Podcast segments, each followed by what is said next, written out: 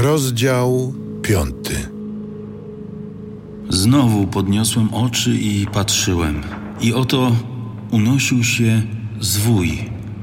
I zapytał mnie anioł. Co widzisz?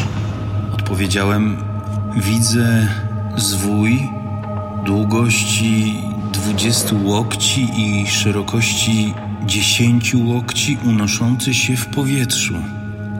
Wytłumaczył mi znowu. To jest przekleństwo, które zawisło nad całym krajem.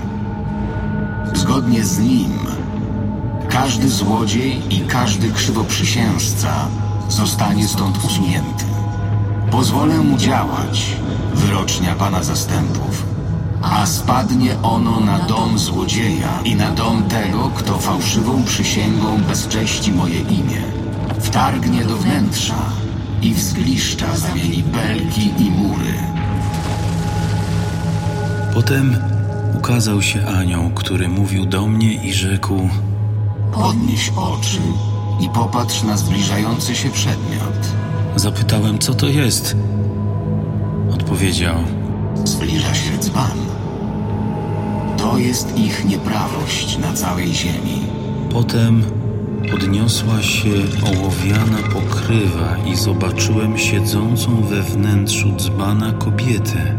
I rzekł: To jest bezbożność. i zepchnął ją z powrotem do wnętrza dzbana, a otwór zakrył ołowianą płytą. Następnie podniosłem oczy i patrzyłem. I oto ujrzałem dwie kobiety. Zbliżały się na skrzydłach, podobnych do skrzydeł bocianich, rozpostartych na wietrze i poniosły dzban wysoko między niebem a ziemią. Zwróciłem się do anioła, który do mnie mówił z zapytaniem, dokąd one niosą ten dzban. Odpowiedział, Do kraju Shinear, by tam zbudować dla niego dom. Tam złożą dzban na wyznaczonej dla niego podstawie.